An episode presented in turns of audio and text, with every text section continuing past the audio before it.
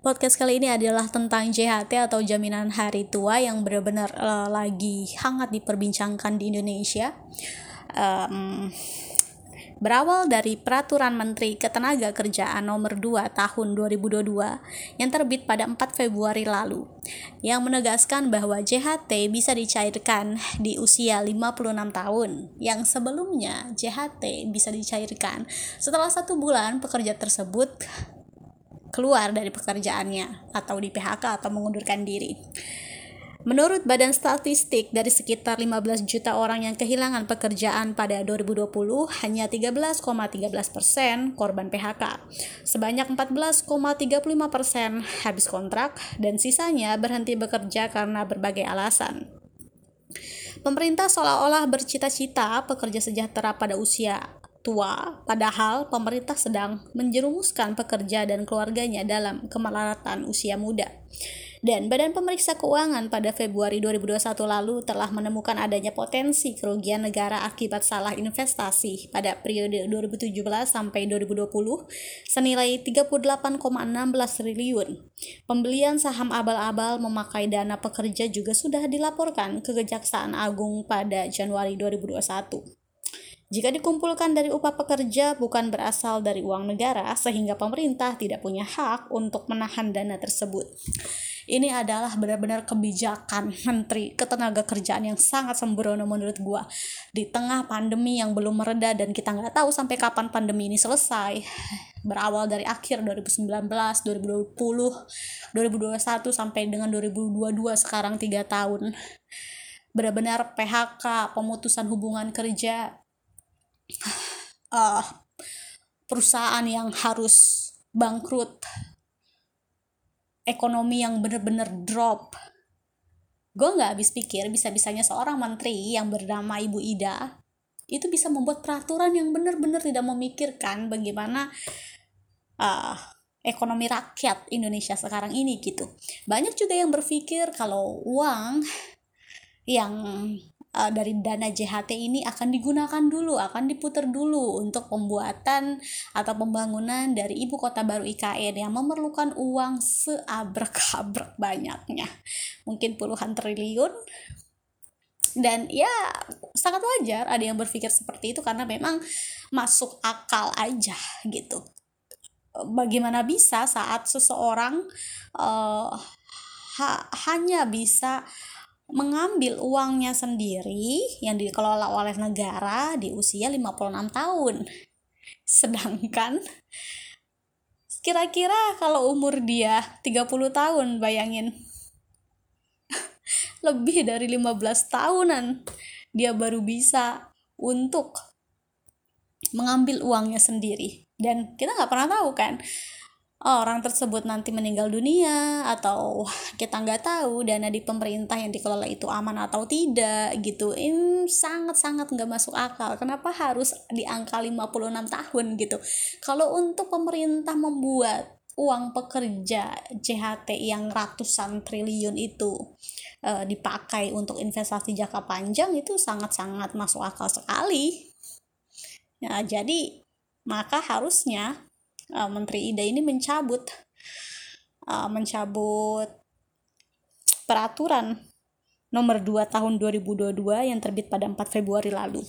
Dan gue dapet ini bagus banget. Jadi salah satu bukan salah satu sih ini dari rangkuman Indonesia Lawyers Club ya yang Pak siapa ya yang gue lupa banget deh pembawa acaranya itu yang benar-benar senior banget.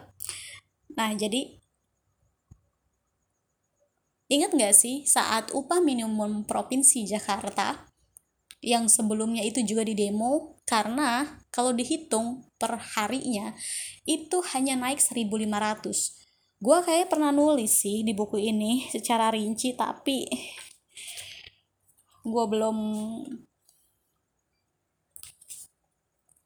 gue belum nyari lagi. Intinya kenaikan upah minimum provinsi itu hanya 1500 per hari. Akhirnya di demo tuh Pak Gubernur Anies Baswedan. Akhirnya setelah mendapatkan banyak tekanan dari para buruh Akhirnya saat itu Bapak Anies Baswedan sebagai Gubernur DKI Jakarta Ibu Kota Indonesia akhirnya menaikkan upah minimumnya jadi 200 lebihan kalau nggak salah. Akhirnya masalah itu reda dengan sendirinya karena buruh merasa oke okay, cukup bagus gitu. Karena kita lihat sekarang dengan gaji UMR apalagi banyak banget yang gajinya masih 2 juta atau gajinya 3 juta untuk keperluan hidup seorang diri aja selama satu bulan itu benar-benar nggak cukup. Mau seirit apa pun benar-benar nggak cukup akhirnya apa? Akhirnya jadinya mereka harus uh, meminjam dari pinjol. Kalau pinjolnya itu diawasi oleh OJK bagus. Kalau enggak mereka juga jadinya yang diperalat. Karena apa? Karena sebenarnya sama sekali nggak ada kata pas untuk memikirkan gaji dan kebutuhan hidup itu yang setara gitu. Jadi saat kalian berpikir stres banget nih kok kayaknya utang terus ya gitu. Kok kayaknya gue boros banget. Bukan boros deh kayaknya. Emang sebenarnya gaji kita itu nggak cukup untuk satu bulan. Bukan boros. Coba deh gue udah beberapa kali riset ya. Gue coba untuk boros gue coba untuk irit banget. Dua-duanya nggak ada. Dua-duanya itu tetap uang gue tuh habis juga sebelum waktunya. Jadi memang memang gaji gaji Indonesia tuh harusnya nggak segitu men gitu. Oke setelah itu oh ya ini kan dibilangnya umur 56 tahun baru cair dan pendemo para buruh itu bilangnya begini kan butuhnya sekarang kalau kita di PHK karena kita bisa ngebuat uang dari hasil JHT itu untuk uh, usaha bahkan untuk bertahan hidup gitu. Dan itu benar-benar sangat rasional. Sekarang oke okay, kita kita pikir seperti ini secara logika ya. Saat benar kalau JHT itu dicairkan baru bisa 56 tahun. Terus orang itu berada di kisaran umur 30 karena nggak ada uang untuk bertahan hidup karena tidak ada gizi yang seimbang masuk, karena bingung, sudah tidak banyak pekerjaan lagi yang bisa memasukkan dia, apa yang terjadi? Pertama, banyak orang lebih penyakitan. Banyak akhirnya nanti orang-orang yang sakit, akhirnya itu menjadi beban negara juga kan dengan BPJS. Coba kita pikir deh. 56 tahun loh, kecuali memang pemerintah menginginkan ya kalau meninggal meninggal aja. Kan nggak mungkin pemerintah membiarkan rakyatnya meninggal dengan sendirinya karena tidak bisa bertahan hidup karena uangnya harus uh, bisa dicarikan di 56 tahun sedangkan di umur dia yang 30 tahun ke 35 tahun dia sama sekali nggak ada uang untuk bertahan hidup apa yang bisa dilakukan pemerintah? Kan tidak ada. Sedangkan ini bukan uang negara ini bukan uang pajak atau ini bukan uang yang seolah-olah itu milik negara dan kita dikasih subsidi. Kan ini tidak. Ini benar-benar uang pekerja gitu loh. Jadi kok bisa seaneh itu? Jadi dipikir lagi deh kalau 56 tahun nantinya mereka ini jadi tunawisma misalnya karena nggak bisa bertahan hidup. Akhirnya jadi jadi apa? Jadi beban keluarga lagi kan Terus kalau misalnya kita jadi sakit, kita jadi tunawisma, come on man, itu sama aja. PR pemerintah lebih besar lagi gitu loh. Apakah ini nggak dipikirkan saat rapat? Para mereka yang benar-benar lulusan luar negeri, yang benar-benar uh, lulusan universitas, yang kepintarannya pasti pinter banget dong, sampai jadi menteri gitu. Kok kalah sama kita yang hanya SMA aja. Oke, juga lapangan pekerjaan. Itu setelah seseorang berumur 25 tahun itu benar-benar sulit sekali. Dan ini bener banget. Ini bener banget. Gue juga bingung ya, kenapa sih harus 25 tahun? Kenapa sih itu menjadi target kalau itu paling umur yang paling tua gitu? Apa tidak dipikirkan lagi orang yang di PHK orang yang mungkin sebelumnya uh, uh, merawat dirinya karena sakit gitu. Terus kalau ternyata mereka sembuh di umur 26 tahun, 27 tahun itu susahnya minta ampun nyari kerja. Ini ini harusnya ada regulasi yang jelas antara para pengusaha, buruh dan juga Kementerian Ketenagakerjaan. Kenapa? Benar-benar 25 tahun itu oh, umur yang yang yang gue pikir tuh benar-benar masih muda banget loh. Terus kenapa itu dijadikan sebuah acuan gitu? sedangkan yang PHK itu kan pasti di umur-umur 30 gitu kan kenapa sih ini harusnya bisa diubah ya terus